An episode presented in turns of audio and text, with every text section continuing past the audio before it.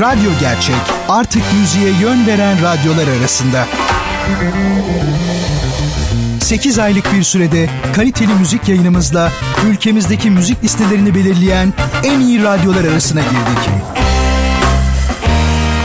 Samsun'un artık gerçek bir müzik radyosu var.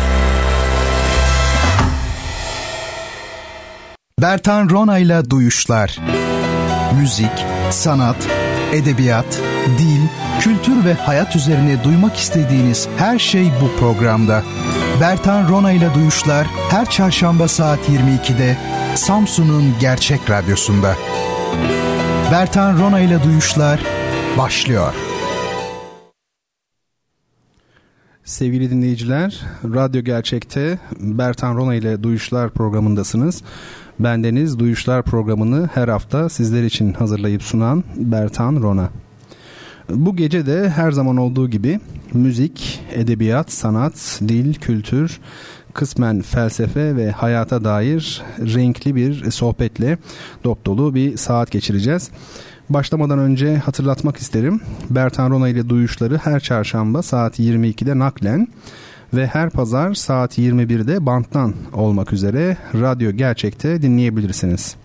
Soru, öneri ve eleştirileriniz için Twitter hesabım adım ve soyadımdan oluşuyor. Yani Bertan Rona şeklinde. Buradan bana ulaşmanız mümkün.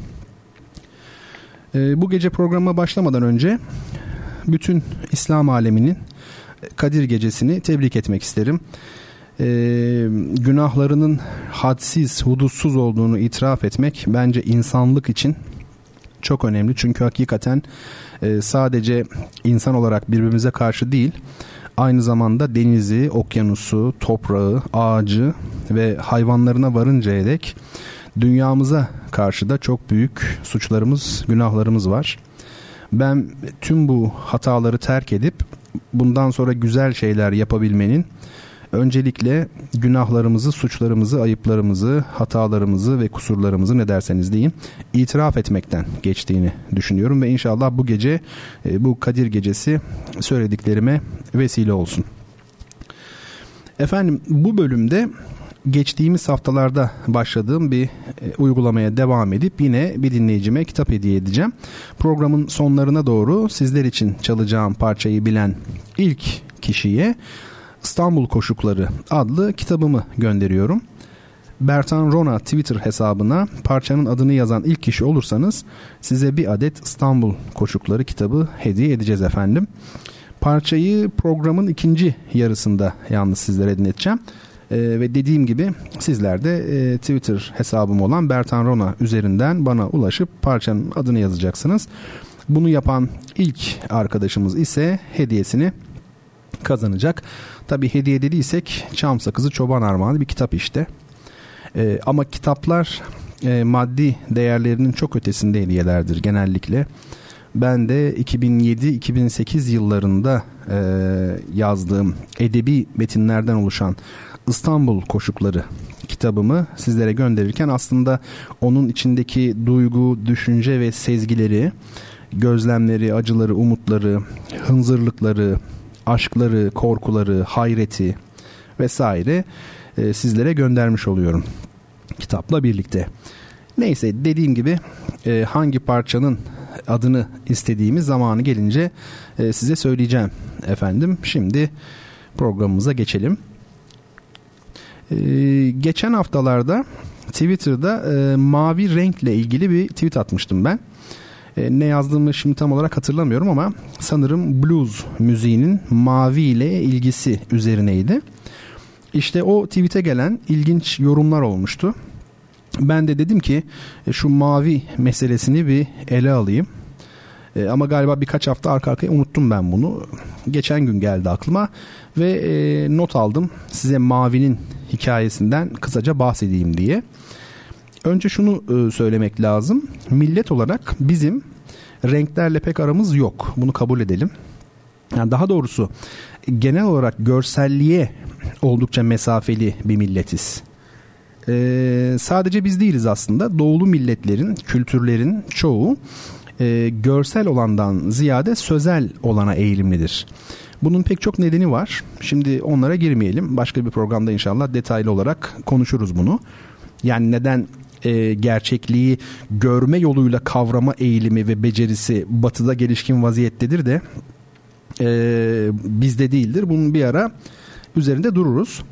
E, sanırım hepimiz işte bu İstiklal Caddesi'nde mesela işte veya e, neresi olsun Sultanahmet'te böyle bir arada duran, rehberlerini dinleyen ve yaş ortalaması yüksek olan turist kafilelerine denk gelmişizdir. Ee, şöyle bir hatırlayın bizim e, insanımıza göre ne kadar renkli giyindikleri e, gözünüzün önüne gelecektir mutlaka. Turist deyince böyle değil mi? Rengarenk bir şey geliyor aklımıza.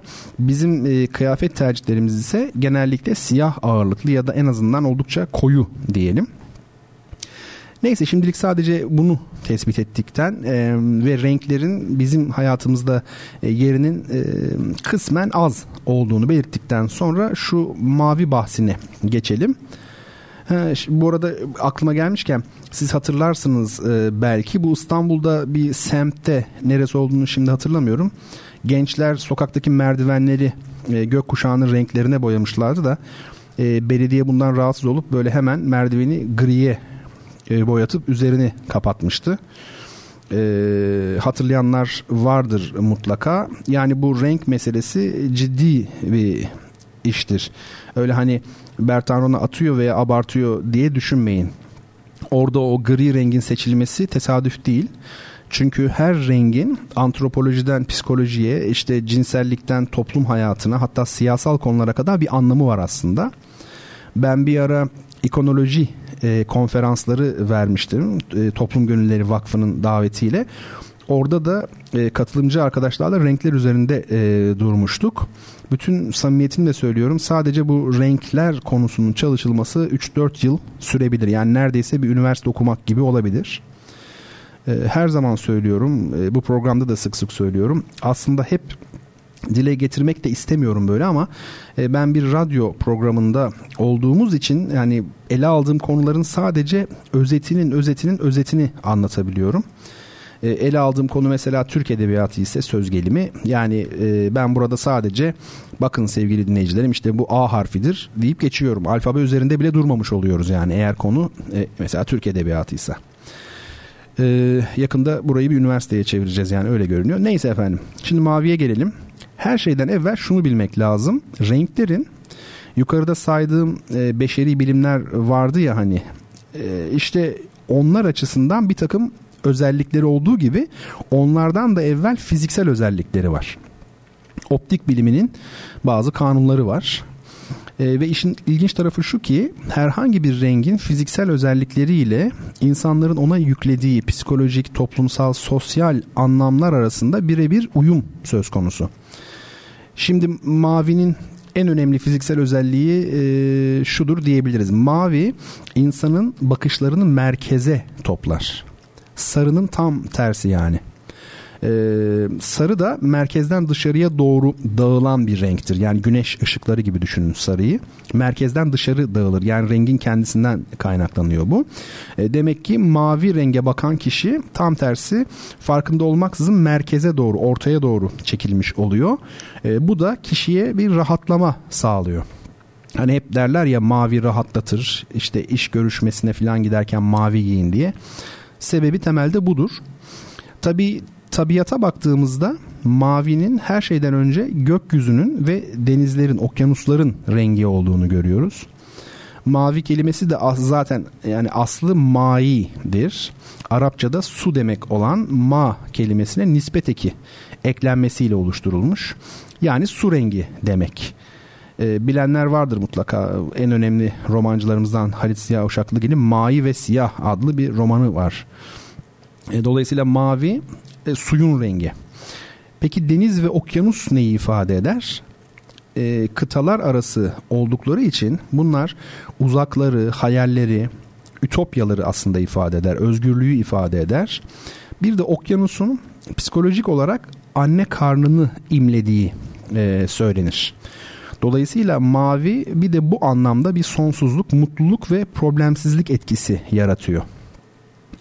Bu arada ben işi gücü bırakıp e, gidip Nişantaşı'nda şöyle renk terapi falan diye yeni bir tarz oluştursam yoga ve benzeri salonlardan epeyce müşteri çekip köşeyi dönerim herhalde ne dersiniz? Harcanıyoruz hakikaten yani. E, tabii bu işin şakası e, biz e, denizler ve okyanuslardan sonra gökyüzüne gelelim şimdi. E, gökyüzü ulaşılmaz olan demektir. Çünkü insanlık tarih boyunca uçmayı hayal etmiş e, ve gökyüzüne ulaşmaya çalışmış. Gökyüzü ise e, uzak bir yer tabii ki demek ki ulaşılmaz. O bakımdan da ne uyandırıyor? Mesafe ve saygı hissi uyandırıyor insanda. E, tanrısal renk olarak adlandırılması da bundan işte yani mavinin tanrısal renk olarak adlandırılması da bu mesafe, ulaşılmazlık ve saygı ile ilgili. Tabi sadece bu bildiğimiz mavi değil. E, bu söylediklerim mavinin bütün tonları için geçerli. Hatta skalada koyuya doğru gidildikçe bu söylediğimiz e, özellikle artarak geçerli oluyor. Şimdi bakın nasıl.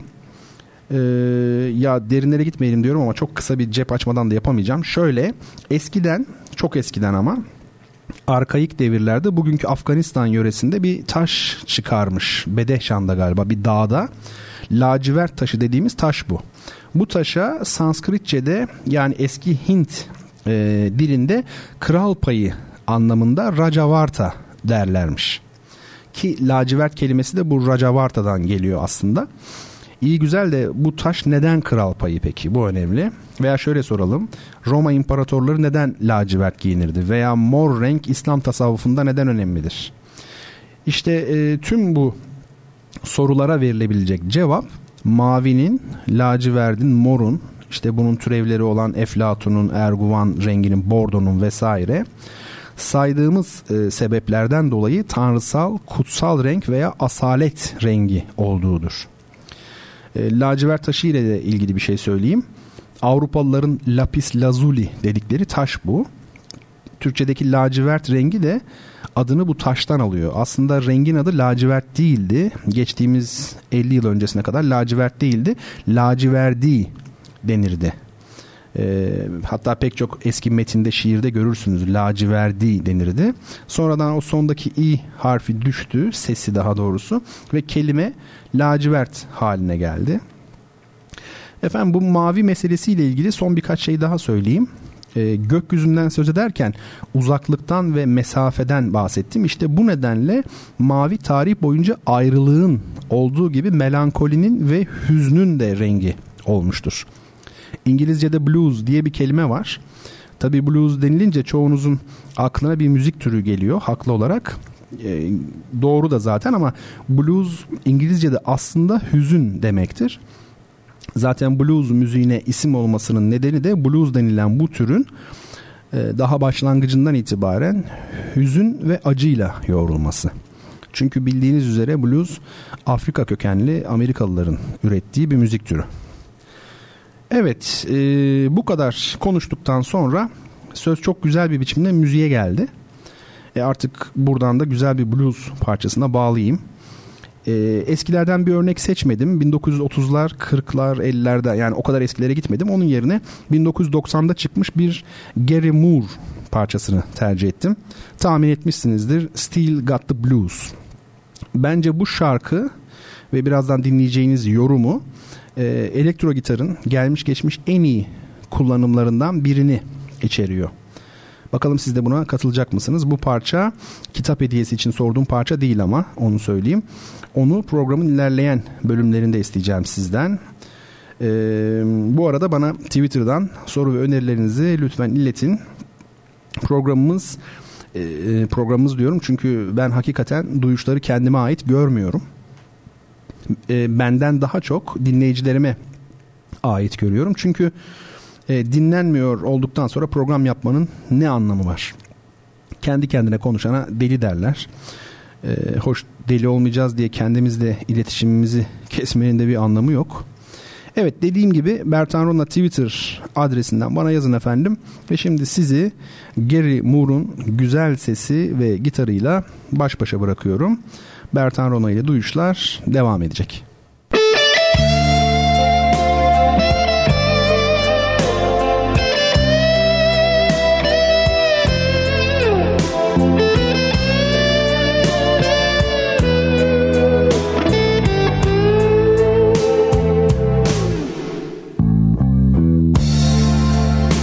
To be so easy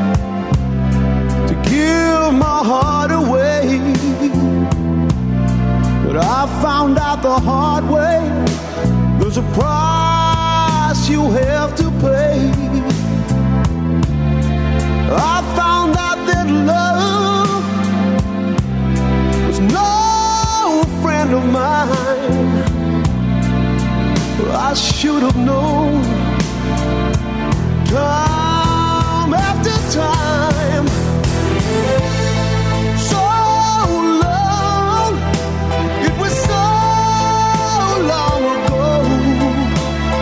I've still got the blues for you.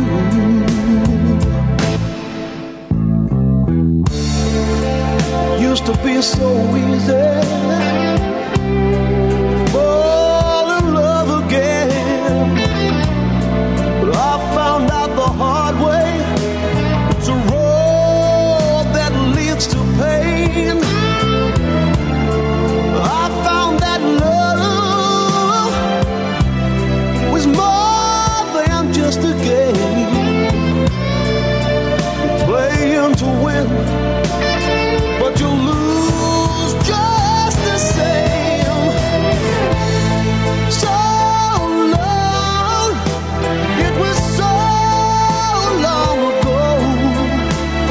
I still got the blues for you.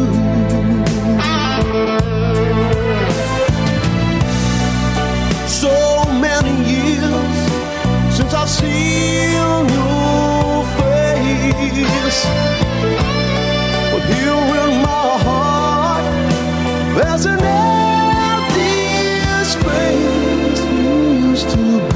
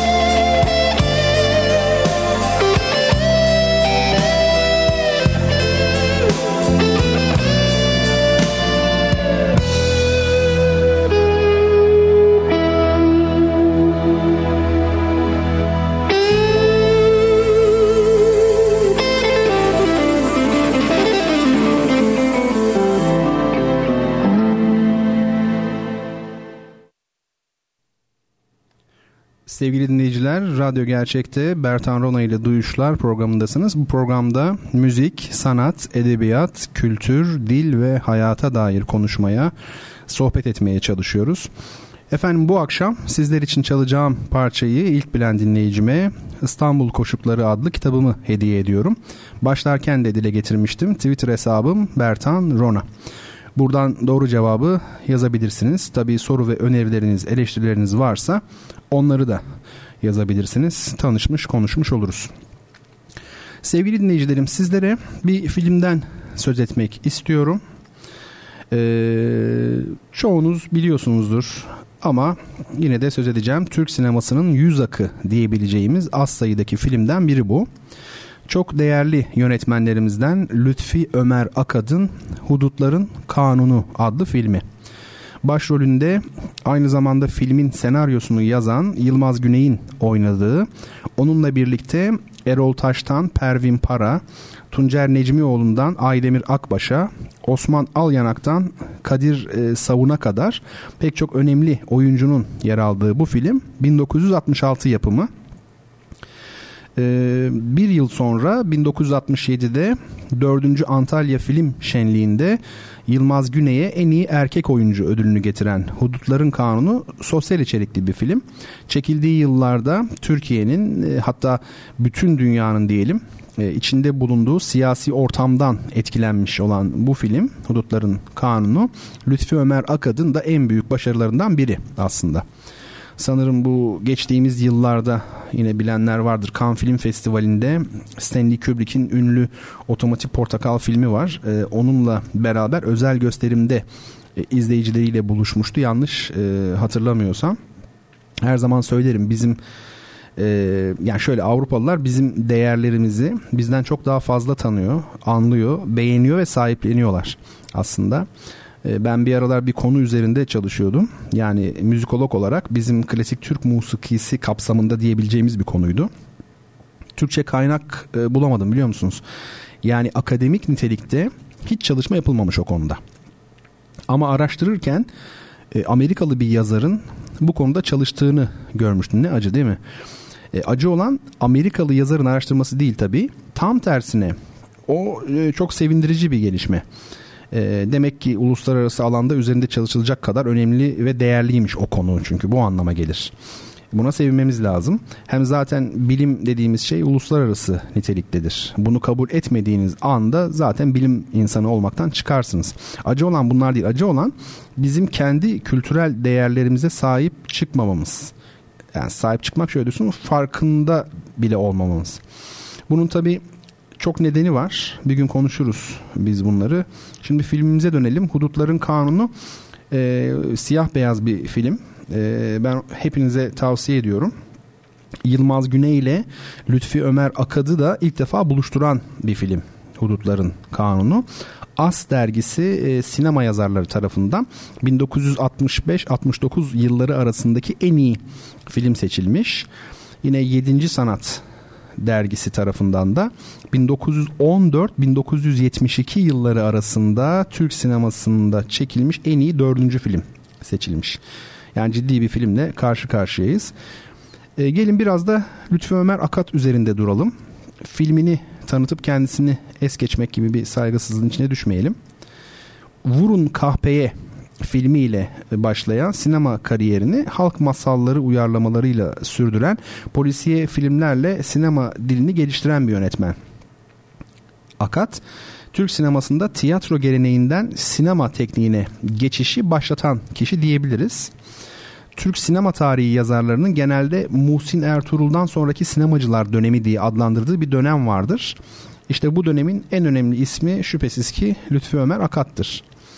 E, Akat'ın bir özelliği var. Kendinden önceki sinemacılardan farklı olarak sinema tekniğine ve sinema diline yeni bir anlayış getirmeyi başarmış.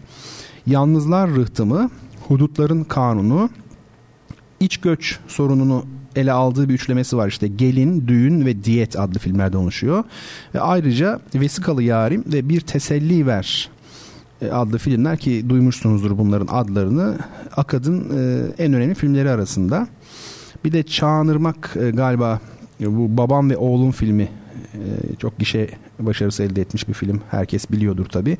E, babam ve oğlumu e, Lütfü Ömer Akat'a ithaf etmişti. E, haberdar değil, değilizdir herhalde çoğumuz ama e, o geldi aklıma. Lütfü Ömer Akat 2 e, Eylül 1916'da dünyaya gelmiş İstanbul'da. Jean d'Arc Fransız okulunda eğitimini tamamlayıp Galatasaray Lisesi'ne devam etmiş.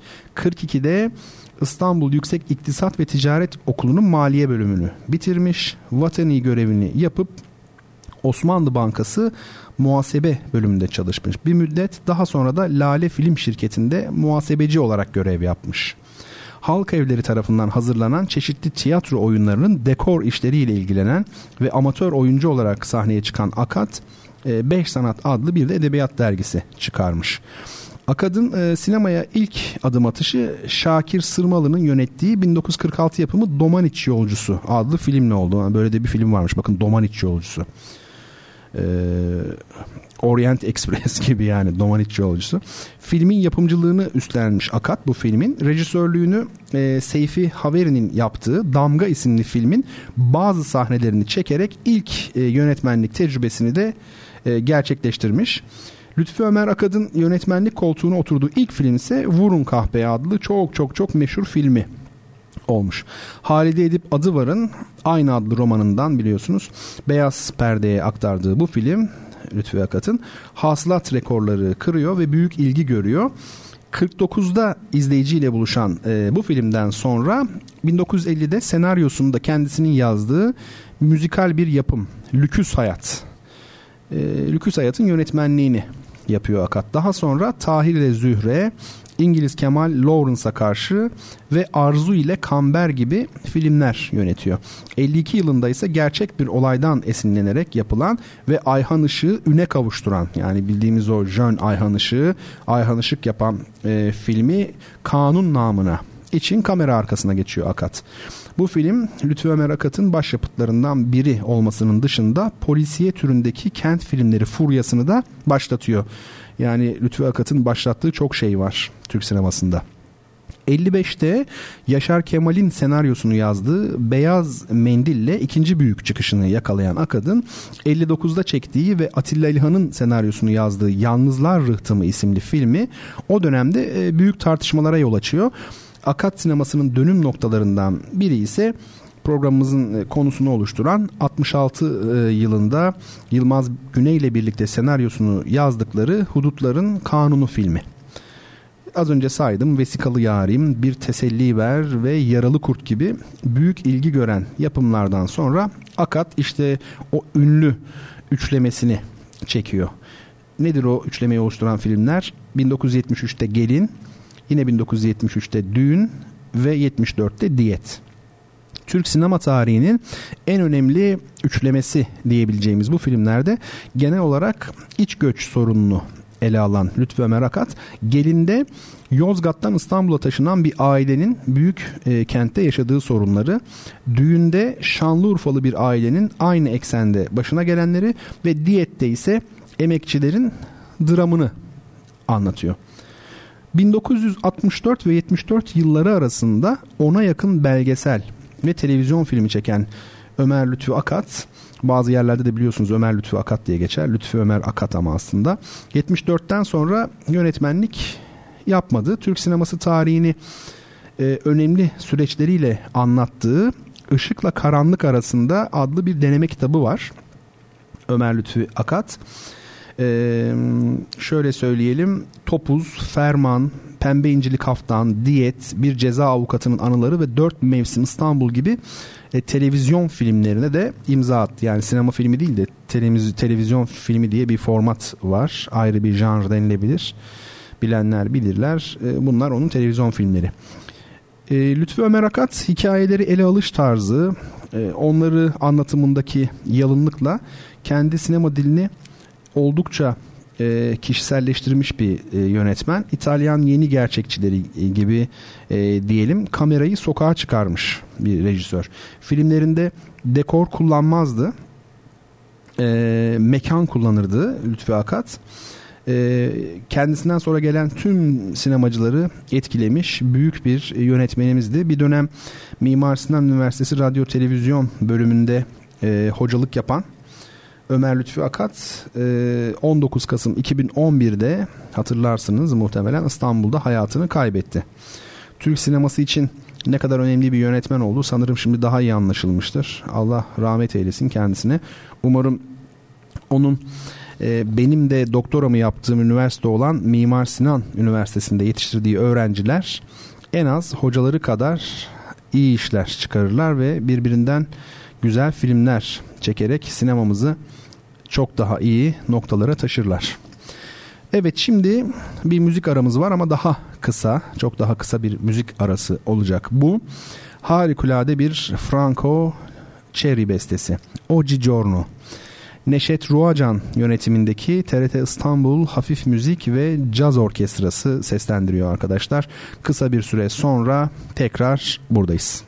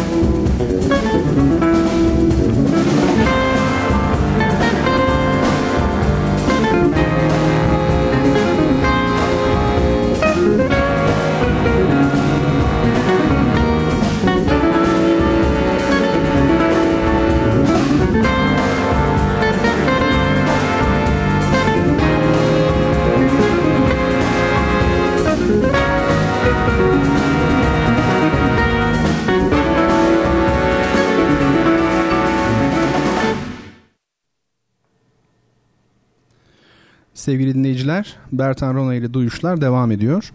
Bendeniz Bertan Rona çarşamba geceleri saat 10 ile 11 arasında canlı yayında karşınızdayım. müzik, sanat, edebiyat, kültür, dil ve hayata dair tınıları duymaya çalıştığımız Duyuşlar programını sizler için hazırlayıp sunmaktayım. Az sonra sizler için çalacağım bir parçanın adının ne olduğunu bilen ilk dinleyicime e, benim İstanbul Koşukları adlı kitabımı hediye edeceğiz. Parçanın adını Twitter üzerinden bize yazabilirsiniz. Bunun için Twitter hesabımız Bertan Rona şeklinde. Ee, Ümit Ortak Twitter'dan bir video paylaşmış. Çağan Irmak'ın Babam ve Oğlum filmi için Metin Erksan'ın e, filmin yönetmeninin başarısına dair tespiti demiş. Ben bu arada sizler müziği dinlerken ben de Ümit Bey'in, Ümit Ortak'ın e, gönderdiği, paylaştığı bu videoya baktım. Kısa bir video. 1 dakika 25 saniye. Metin Erksan'ın e, düşüncelerine katılıyorum. Onu söyleyeyim. Ben e, Çağan Irmak filmlerini beğenen biri değilim. Yani e, bir sanatsal içerik olduğunu düşünmüyorum o filmlerde. Metin Erksan da bunu söylüyor. Benim en çok sevdiğim Türk sinemasında yönetmen ya da film olarak kimler var diye düşündüğümüzde e, Ömer Kavur'u çok e, seviyorum ben, önemsiyorum ve çok göz ardı edildiğini düşünüyorum Ömer Kavur'un. E, Nuri Bilge Ceylan e, sineması da çok ilginç bir sinema. Görselliğin çok ön planda olduğu ama son derece dikkat çekici ve başarılı bir sinema dili var bence Nuri Bilge Ceylan'ın. E, Yılmaz Güney zaten bir döneme damgasını vurmuş bir isim. Film olarak baktığımızda da e, benim için Türk sinemasının en iyi filmi Gizli Yüz filmidir. 1991 tarihli. Orhan Pamuk'un e, senaryosunu yazdığı ilginçtir. O da pek tahmin edilebilecek bir şey değil. Ömer Kavur'un çektiği Gizli Yüz. E, başrollerinde Rutkay Aziz ve e, kim var? Zuhal Olcay o filmde. Yine Sevmek Zamanını e, Metin Erksan'ın çok çok beğenirim. Onun dışında ne diyebiliriz? Bir Zamanlar Anadolu'da e, Nuri Bilge Ceylan'ın e, filmi. E, o da bence çok çok e, başarılı bir film. Umut, Yılmaz Güney'in Umut filmi 71 yapımı. E, bir de onu e, sayabilirim. Sürü yine aynı şekilde oraya girebilir. Tabii iyi filmler var e, Türk sinemasında. Zeki Demirkubuz'un Kaderi çok güzel. Masumiyet ve Kader. E, Kıskanmak da tabii e, çok çok iyi bir film. Benim e, favorilerim de e, bunlar. Sevgili dinleyicilerim e, ben şiirle ilgilenmeye başladığım dönemde daha doğrusu bu durum duyulmaya başlayınca çevremde insanlar arasında yani müzisyen arkadaşlarım ve meslektaşlarım arasında diyeyim daha çok meselenin biraz yadırgandığını hatırlıyorum. Yani bizde öyledir yani bir insan kendi okuduğu veya çalıştığı alanın dışında bir alanda faaliyet gösterince şöyle biraz kendisine dudak bükülür. E, bu durum amatörlüğe yorulur, işte eleştirilir. E, sanat camiasında şöyle bir durum olur. Özellikle genç arkadaşlarım bilsinler. Çünkü eğer eğitim hayatlarında başarılılarsa veya ileride meslek hayatlarında başarılı olacaklarsa mutlaka bunu yaşayacaklardır. Nedir o? Mesela diyelim ki hem bestecilik hem de şairlik yapıyorsunuz. şairlik yapmak neyse işte hani cümle öyle geldi. Ve diyelim ki her ikisinde de gerçekten çok iyi işler çıkarıyorsunuz. Yani eserleriniz gerçekten çok nitelikli. O zaman ne olur biliyor musunuz? Şöyle olur. E, müzik çevresinde sizi çekemeyenler ya o zaten edebiyatçı derler. Edebiyat dünyasında sizden rahatsız olanlarsa sizin için canım şair değil ki besteci derler. Yani sizin eserlerinizden kimse söz etmeyecektir. İşte şu ne güzel bir beste veya şu ne kadar güzel bir şiir falan diyen çıkmayacaktır. Çünkü biz maalesef esere değil isme e, bakıyoruz. Hani e, deniyor ya düşüncelerle değil kişilerle uğraşmak falan diye. İşte tam da öyle. Açıkçası kabul edelim iş değil oynaş peşindeyiz biraz. O ona ne demiş, kim kiminle nereye gitmiş merak edilenler bunlar. Yani özel hayatlar. Bizim e, sanat ve bilim okullarımızda gözlenen bir başka problem de bu zaten. Yani insanların mesleki çalışmalarının değil maalesef ki özel hayatlarının şeffaf olması. E, halbuki tam tersinin olması gerekir. Bir kurumun çatısı altında görev yapan sanatçıların e, veya bilim adamlarının mesleki geçmişlerinin, çalışmalarının ve pozisyonlarının açık ve şeffaf, kolay ulaşılabilir olması, özel hayatlarının kişisel özelliklerinin ise e, tamamen intim e, yani gizli ve kendine has olması gerekir. E, bunları söylüyorum ki hiç olmazsa birkaç genç dinleyicim ileride neyle karşılaşacağını bilsin. Şu ana kadar karşılaşmadılarsa tabii öyle diyeyim. Bu arada hani e, şiirle ilgilenmeye başladığım dönemde gibi bir şey çıktı ağzımdan. Yani şiirle nasıl ilgilenmeye başlanır onu bilmiyorum yani. Ben e, edebiyatı özellikle de şiir söz konusu olduğunda çok içsel bir eğilim olarak görüyorum. Hiçbir şekilde okulu olmaz. Yani okul bitirerek şair olamazsınız. O çok özeldir. Çok e, ilhama dayalı bir şeydir. Bir varoluş sancısıdır. O sizde ya vardır ya yoktur. Ne zaman ortaya çıkacağını bilemezsiniz. Ne zaman gideceğini bilemezsiniz. E, bazen küser e, size şiir. Yıllarca küsebilir. Yıllarca hiç yazmazsınız. Sonra birdenbire yazarsınız. Bazen bir takım dizeler yazarsınız. Bir yıl sonra onun devamı gelir. Birleşip o zaman şiir olur. Ee, çok çok çok içsel e, bir konudur. O bakımdan yani şiirle ilgilenmeye başladığım dönemde değil. E, sonradan düzelttim zaten. Bu durum duyulmaya başlayınca yani çalışmalarımın olduğu duyulmaya başlayınca. Zaten onlar da çalışma olsun diye yazılmaz hiçbir zaman. E, karşı koyamazsınız ona. Geceler boyu böyle sabahlamaya başlarsınız. Ve sürekli e, yazarsınız. Dolayısıyla hani e, edip bilmem neyici e, olunmaz doğulur derler ya herhangi bir şey için işte en çok edebiyat için geçerlidir belki de e, diyebiliriz. Efendim bu hafta şiir demişken e, sizler için okuyacağım şiir e, kendine özgü ritmi, iç sesi, betimleme gücü ve atmosferiyle kanımca edebiyatımızda çok müstesna bir yere sahip.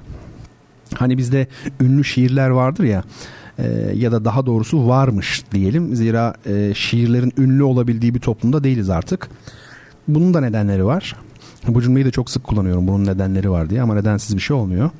Ee, geçen senelerde ben hatırlıyorum edebiyatımızın önemli kalemlerinden e, Selim İleri Hoca ile birlikte Beyoğlu'nda bir mekanda oturuyorduk. Tabii konu edebiyattı. Bana e, Türk edebiyatında son 30-40 yılda şiirin çok gerilediğini, roman ve öykü alanında büyük yazarlarımızı hala var olmakla birlikte artık Necip Fazıl veya Nazım Hikmet gibi büyük şairlerin çıkmadığını söylemişti. E, o nedenle şimdi okuyacağım şiir de belli bir dönemde çok tanınmış ve sevilmiş bir şiir. E, peki hangi şiir o? Faruk Nafiz Çamlıbel'in Han Duvarları adlı şiiri.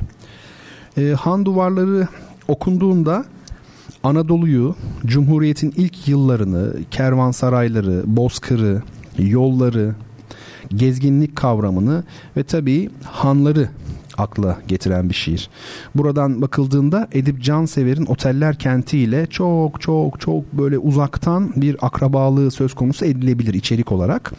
Veya Anadolu'yu gezen bir Cumhuriyet aydınının 10 yıllar sonra yerleşik bir yabancı haline gelmiş. E, Metin Altıok'un e, bir kitabın adıyla söylüyorum. Yerleşik bir yabancı haline gelmiş. Kendine ve şehre dair parçalanmış bir gerçeklik algısı ile yaşayan Ruhi Bey'e hani Edip Cansever'in ünlü Ruhi Bey'ine dönüşmesi e, biraz egzajere bir yorum gibi gelse de bence düşünülebilir. Her zaman olduğu gibi tabii kendini en iyi eser anlatır. O nedenle hadi gelin şimdi kendimizi Faruk Nafiz Çamlıbel'in o fevkalade satırlarına bırakalım ve oldukça uzun bir şiir olan Han Duvarlarını okuyalım. Han Duvarları Yağız atlar kişnedi, meşin kırbaç şakladı. Bir dakika araba yerinde durakladı. Neden sonra sarsıldı altımda demir yaylar, Gözlerimin önünden geçti kervan saraylar. Gidiyorum gurbeti gönlümle duya duya, Ulu kışla yolundan Orta Anadolu'ya. İlk sevgiye benzeyen ilk acı, ilk ayrılık. Yüreğimin yaktığı ateşle hava ılık. Gök sarı, toprak sarı, çıplak ağaçlar sarı. Arkada zincirlenen yüksek Toros dağları, önde uzun bir kışın soldurduğu etekler, sonra dönen dönerken inleyen tekerlekler. Ellerim takılırken rüzgarların saçına, Asıldı arabamız bir dağın yamacına. Her tarafta yükseklik, her tarafta ıssızlık. Yalnız arabacının dudağında bir ıslık. Bu ıslıkla uzayan, dönen, kıvrılan yollar, uykuya varmış gibi görünen yılan yollar. Başını kaldırarak boşluğu dinliyordu. Gökler bulutlanıyor, rüzgar serinliyordu. Serpilmeye başladı bir yağmur ince ince. Son yokuş noktasından düzlüğe çevrilince nihayetsiz bir ova ağarttı benzimizi. Yollar bir şerit gibi ufka bağladı bizi. Gurbet beni muttasıl çekiyordu kendine. Yol hep yol daima yol bitmiyor düzlük yine. Ne civarda bir köy var ne bir evin hayali. Sonunda ademdir diyor insana yolun hali. Ara sıra geçiyor bir atlı iki yayan. Bozuk düzen taşların üstünde tıkırdayan tekerlekler yollara bir şeyler anlatıyor. Uzun yollar bu sesten silkinerek yatıyor. Kendimi kaptırarak tekerleğin sesine uzanmış kalmışım yaylının şiltesine. Bir sarsıntı uyandım uzun süren uykudan. Geçiyordu araba yola benzer bir sudan. Karşıda Hisar gibi Nide yükseliyordu. Sağ taraftan çıngırak sesleri geliyordu. Ağır ağır önümden geçti deve kervanı. Bir kenarda göründü beldenin viran hanı. Alaca bir karanlık sarmadayken her yeri atlarımız çözüldü girdik handan içeri. Bir deva bulmak için bağrındaki yaraya toplanmıştı garipler şimdi kervan saraya. Bir noktada birleşmiş vatanın dört bucağı, gurbet çeken gönüller kuşatmıştı ocağı. Bir pırıltı gördü mü gözler hemen dalıyor, göğüsler çekilerek nefesler daralıyor. Şişesi is bağlamış bir lambanın ışığı, her yüzü çiziyordu bir hüzün kırışığı. Gitgide birer ayet gibi derinleştiler.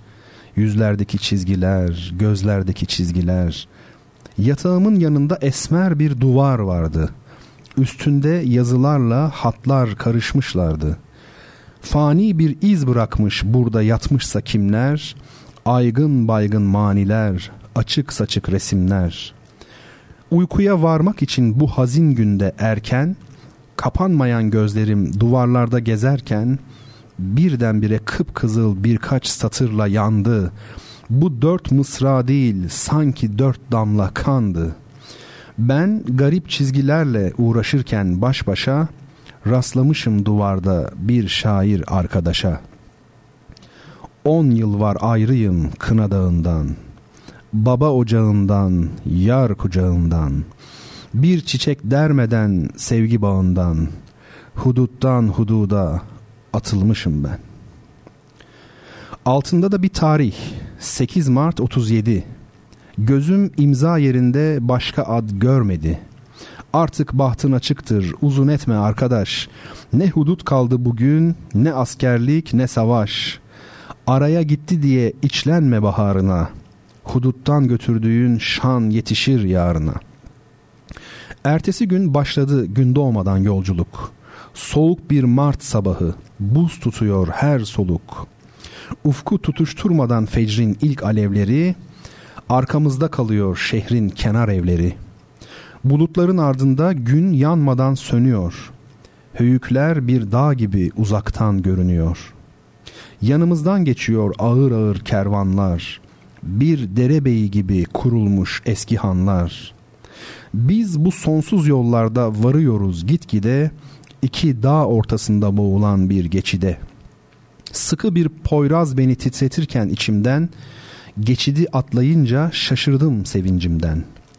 Ardımda kalan yerler anlaşırken baharla, önümüzdeki arazi örtülü şimdi karla. Bu geçit sanki yazdan kışı ayırıyordu. Burada son fırtına son dalı kırıyordu.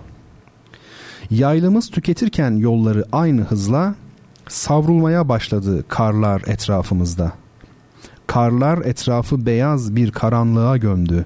Kar değil gökyüzünden yağan beyaz ölümdü. Gönlümde can verirken köye varmak emeli, Arabacı haykırdı işte Araplı beli. Tanrı yardımcı olsun gayrı yolda kalana. Biz menzile vararak atları çektik hana. Bizden evvel buraya inen 3-4 arkadaş kurmuştular tutuşan ocağa karşı bağdaş. Çıtırdayan çalılar dört cana can katıyor, kimi haydut, kimi kurt masalı anlatıyor. Gözlerime çökerken ağır uyku sisleri, çekiliyor duvarı, ocağın akisleri. Bu akisle duvarda çizgiler beliriyor. Kalbime ateş gibi şu satırlar giriyor. Gönlümü çekse de yarın hayali, aşmaya kudretim yetmez cibali. Yolcuyum bir kuru yaprak misali, rüzgarın önüne katılmışım ben. Sabahleyin gökyüzü parlak, ufuk açıktı. Güneşli bir havada yaylımız yola çıktı. Bu gurbetten gurbete giden yolun üstünde ben üç mevsim değişmiş görüyordum üç günde. Uzun bir yolculuktan sonra ince sudaydık. Bir handa yorgun argın tatlı bir uykudaydık. Gün doğarken bir ölüm rüyasıyla uyandım. Başucumda gördüğüm şu satırlarla yandım. Garibim, namıma Kerem diyorlar. Aslımı el almış haram diyorlar. Hastayım derdime verem diyorlar. Maraşlı Şeyhoğlu satılmışım ben. Bir kitabe kokusu duyuluyor yazında. Korkarım yaya kaldın bu gurbet çıkmazında. Ey Maraşlı Şeyhoğlu, evliyalar adağı, bahtına lanet olsun aşmadınsa bu dağı. Az değildir varmadan senin gibi yurduna, post verenler yabanın hayduduna, kurduna. Arabamız tutarken Erciyes'in yolunu, Hancı dedim bildin mi Maraşlı Şeyhoğlu'nu?'' Gözleri uzun uzun burkuldu kaldı bende. Dedi hana sağ indi ölü çıktı geçende. Yaşaran gözlerimde her şey artık değişti. Bizim garip şeyhoğlu buradan geçmemişti. Gönlümü Maraşlı'nın yaktı kara haberi. Aradan yıllar geçti. İşte o günden beri ne zaman yolda bir han rastlasam irkilirim.'' Çünkü sizde gizlenen dertleri ben bilirim. Ey köyleri hududa bağlayan yaşlı yollar, dönmeyen yolculara ağlayan yaslı yollar. Ey garip çizgilerle dolu han duvarları, ey hanların gönlümü sızlatan duvarlar. Sevgili dinleyiciler, değerli şair Faruk Nafiz Çamlıbel'in e, ki kendisini bir başka programda detaylı olarak anlatmak isterim. E, evet Faruk Nafız Çamlıbel'in e, çok çok çok uzun bir şiiri olan Han Duvarları şiirini e, bendenizden dinlediniz. Dilim döndüğünce okumaya çalıştım. Şimdi gelelim programın atraksiyon kısmına öyle diyelim. Atraksiyon denir ama kimse de o kelimenin anlamını tam olarak bilmez aslında. Biraz böyle Hadi siz bakın ona da ben söylemeyeyim. E, efendim biz e, şu an bizi dinlemeye başlamış olan dinleyicilerim için bir kere daha e, duyurmak istiyorum. Şimdi çalacağım müziğin e, bestecisini hangi eser olduğunu adını e, bana Twitter üzerinden yazan ilk kişiye bir kitap hediyemiz var. Bendenizin 2007-2008 yılları arasında yazdığı edebi metinlerden oluşan İstanbul Koşukları adlı kitabı Şimdi çalacağımız müziğin adını bestecisini bize yazan ilk kişiye hediye edeceğiz efendim. Bunun için Twitter adresimiz Bertan Rona. E, buradan mention olarak bana yazabilirsiniz. Şezem hazırsa tabii şaka olsun hadi bu. E, kim bilir belki de kendi müzikal birikiminize dayanarak hafızanıza güvenerek bulacaksınız nerede o günler diye e, düşünüyor olabilirsiniz belki ama eseri gerçekten kendisi bilen e, bir kişiyle de Şezem falan yarışamaz onu söyleyeyim. Çünkü kendi hafızamıza sormak e, Şezem'e sormaktan çok daha hızlıdır. Evet herkes hazırsa müziğimiz gelsin artık. Sonra programımızın final kısmına geçeriz. Bertan Rona ile duyuşlar devam edecek dostlar.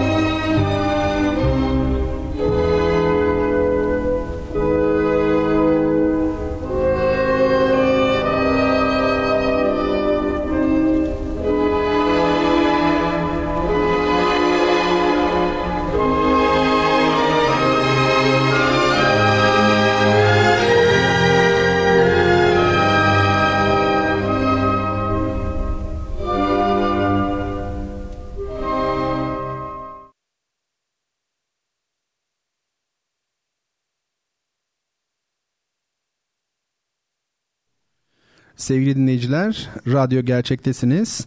Bendeniz Bertan Rona. Duyuşların son bölümünde sizlerleyim efendim. Programımız dop dolu bir müzik, sanat, edebiyat sohbetiyle devam etmekte.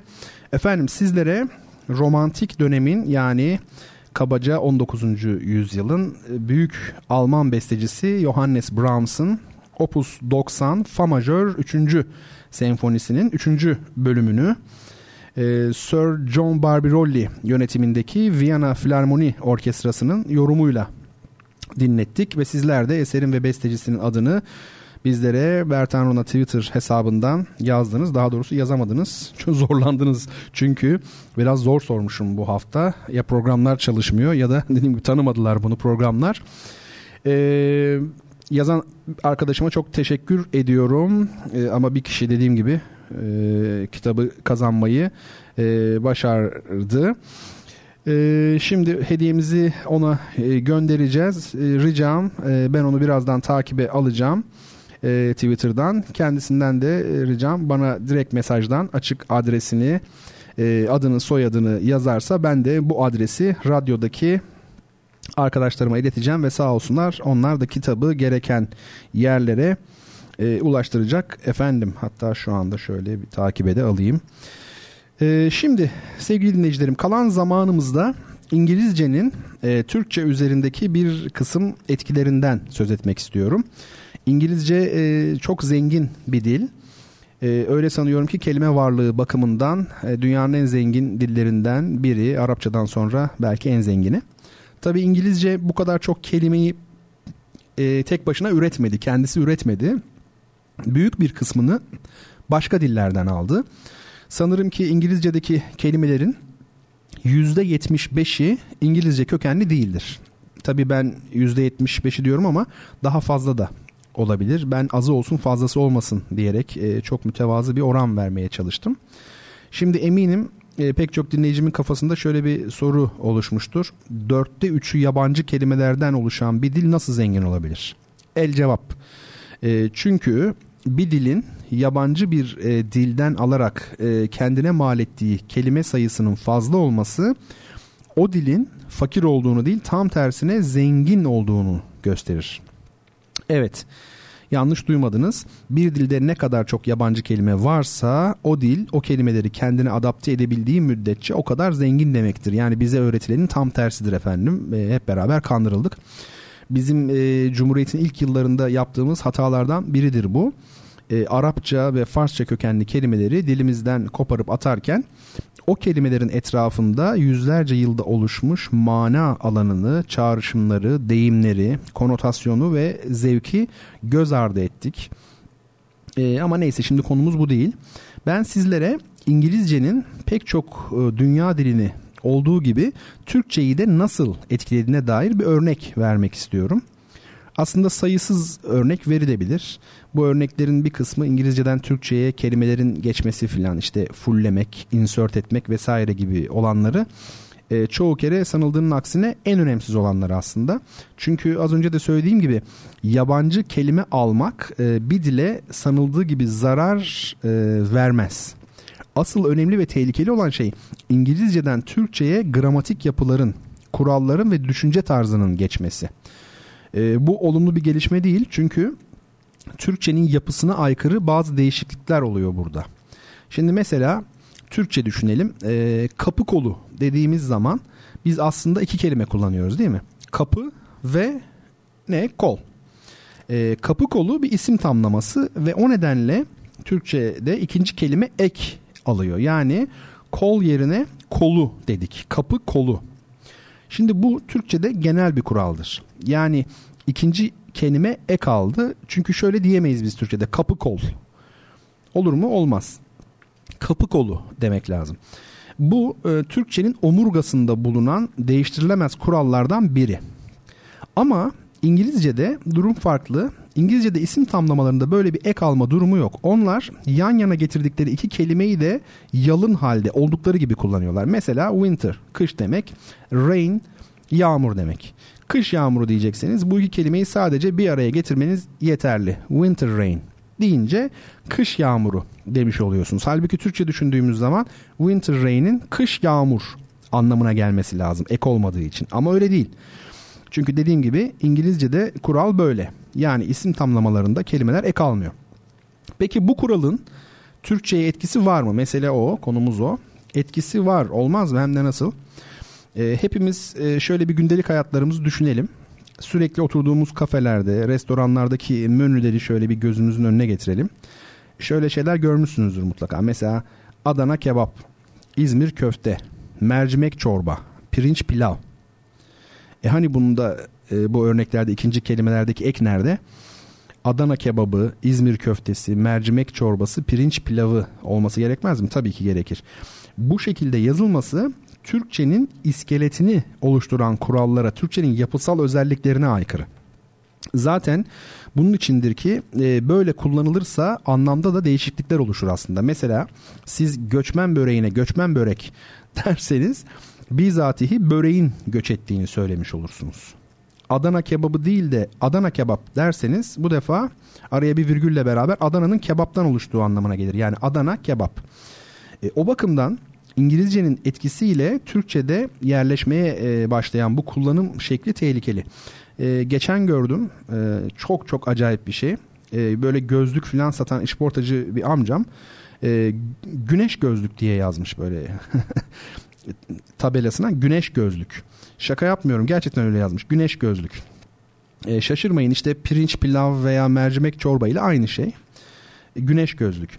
Amca çünkü e, farkında olmadan sunglasses'ın etkisi altında e, İngilizcesi yani sunglasses güneş gözlük. Tabi amcanın İngilizlerden Amerikalılardan onlar böyle kullanıyor diye e, bir meseleden haberi yok. O toplumda yayıldığı için herkesten duyup etkilenerek e, kullanıyor bunu yani kulaktan. Dil zaten böyle bir şeydir. E, fakat işte sonuç e, ortada yani fizik tedavi, efendime spor ayakkabı, kadın tişört, erkek tişört.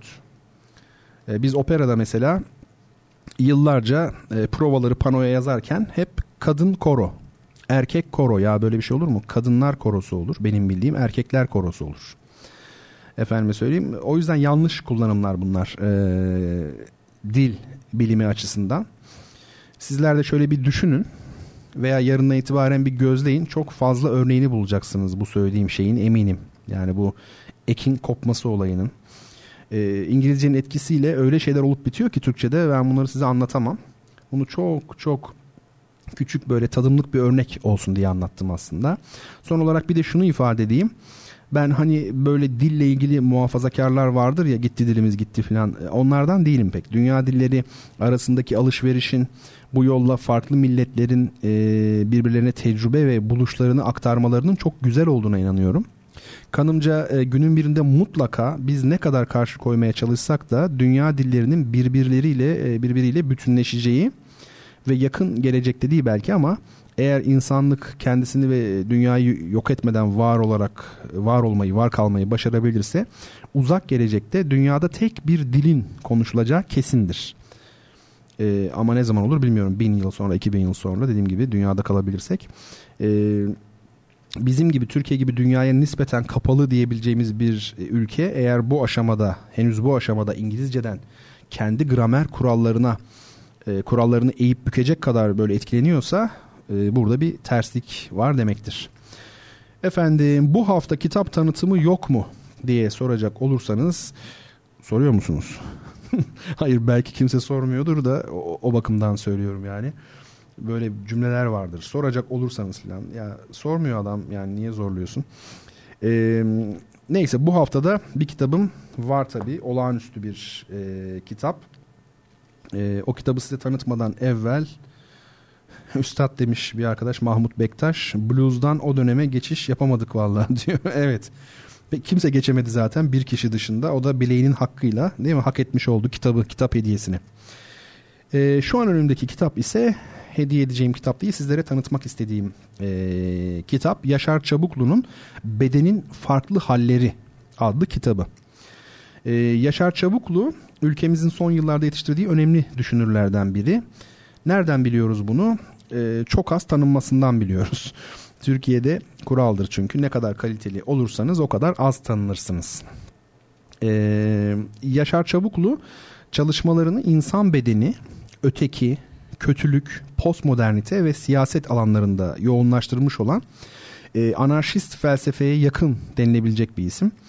Tabii böyle anarşizm deyince gündelik kullanımda akla gelen işte siyasi e, böyle kaotik anlamıyla bir ilgisi yok söylediğimizin e, bir felsefi düşünce akımı olarak anarşizmden söz ediyoruz. Bu akımın çok önemli temsilcileri olmuş tarihte Fransa'da özellikle.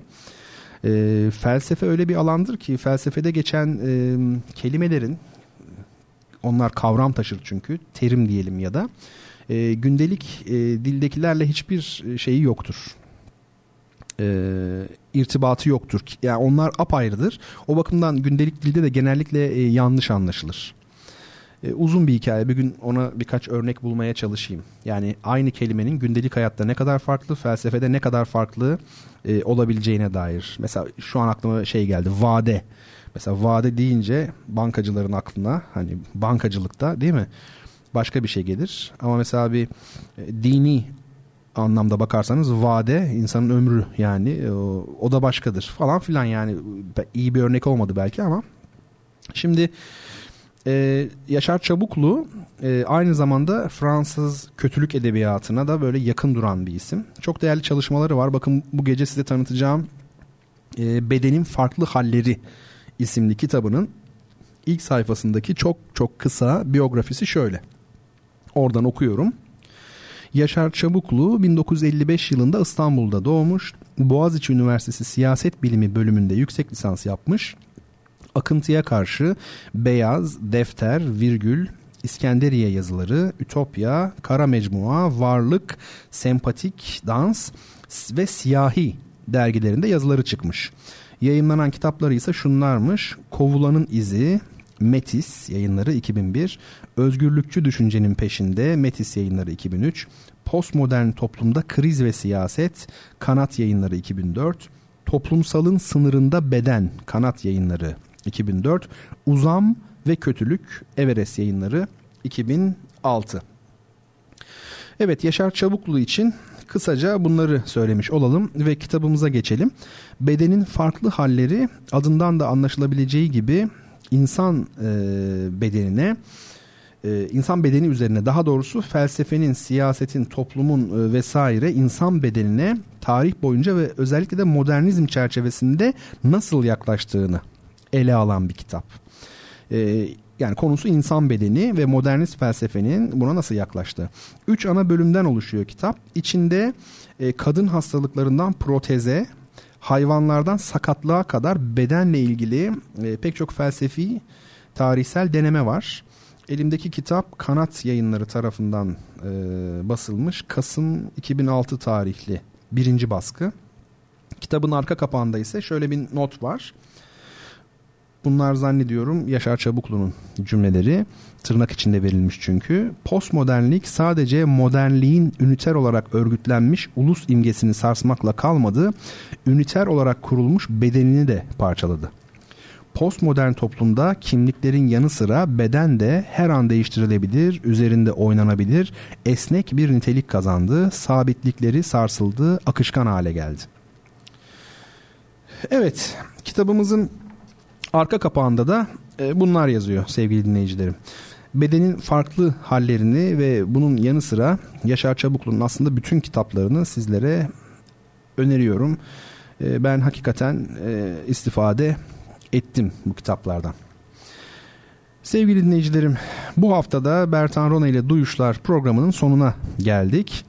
Her çarşamba saat 22'de Radyo Gerçek'te buluşuyoruz ve sanatla, dil ve edebiyatla ama illaki hayatla dolu bir parça zaman geçiriyoruz.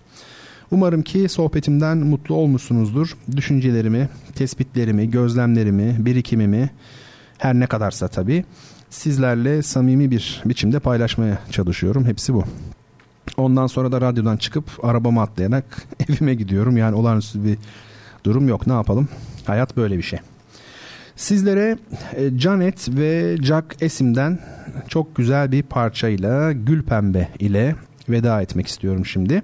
Haftaya aynı gün ve aynı saatte Radyo Gerçek'te görüşebilmek dileğiyle. Bendeniz Bertan Rona. Hepinize iyi bir hafta diliyorum. Hoşçakalın.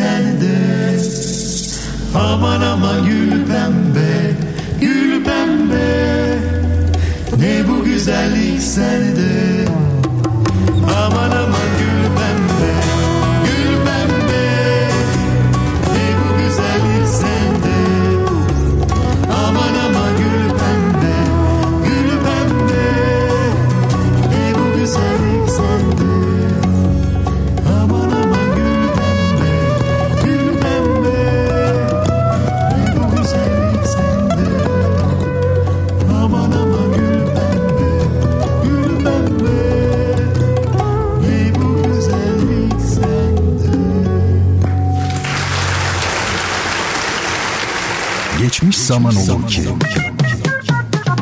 Tarihin en ilginç olayları ve en renkli kişileri bu programda. Bertan Rona tarafından hazırlanıp sunulan Geçmiş Zaman Olur ki sizleri her hafta şaşırtıcı konularla dolu bir tarih sohbetine davet ediyor. Geçmiş Zaman Olur ki her pazartesi ve her cuma saat 21'de Samsun'un Gerçek Radyosu'nda.